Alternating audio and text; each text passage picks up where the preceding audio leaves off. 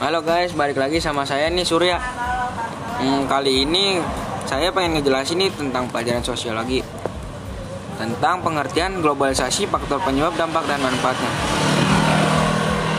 Pengertian globalisasi beserta faktor penye- penyebab, dampak yang terjadi dari terjadi dan manfaat untuk kehidupan manusia.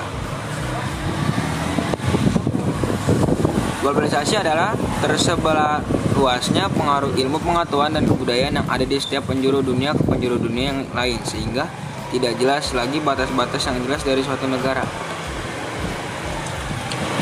Perkembangan teknologi menjadi salah satu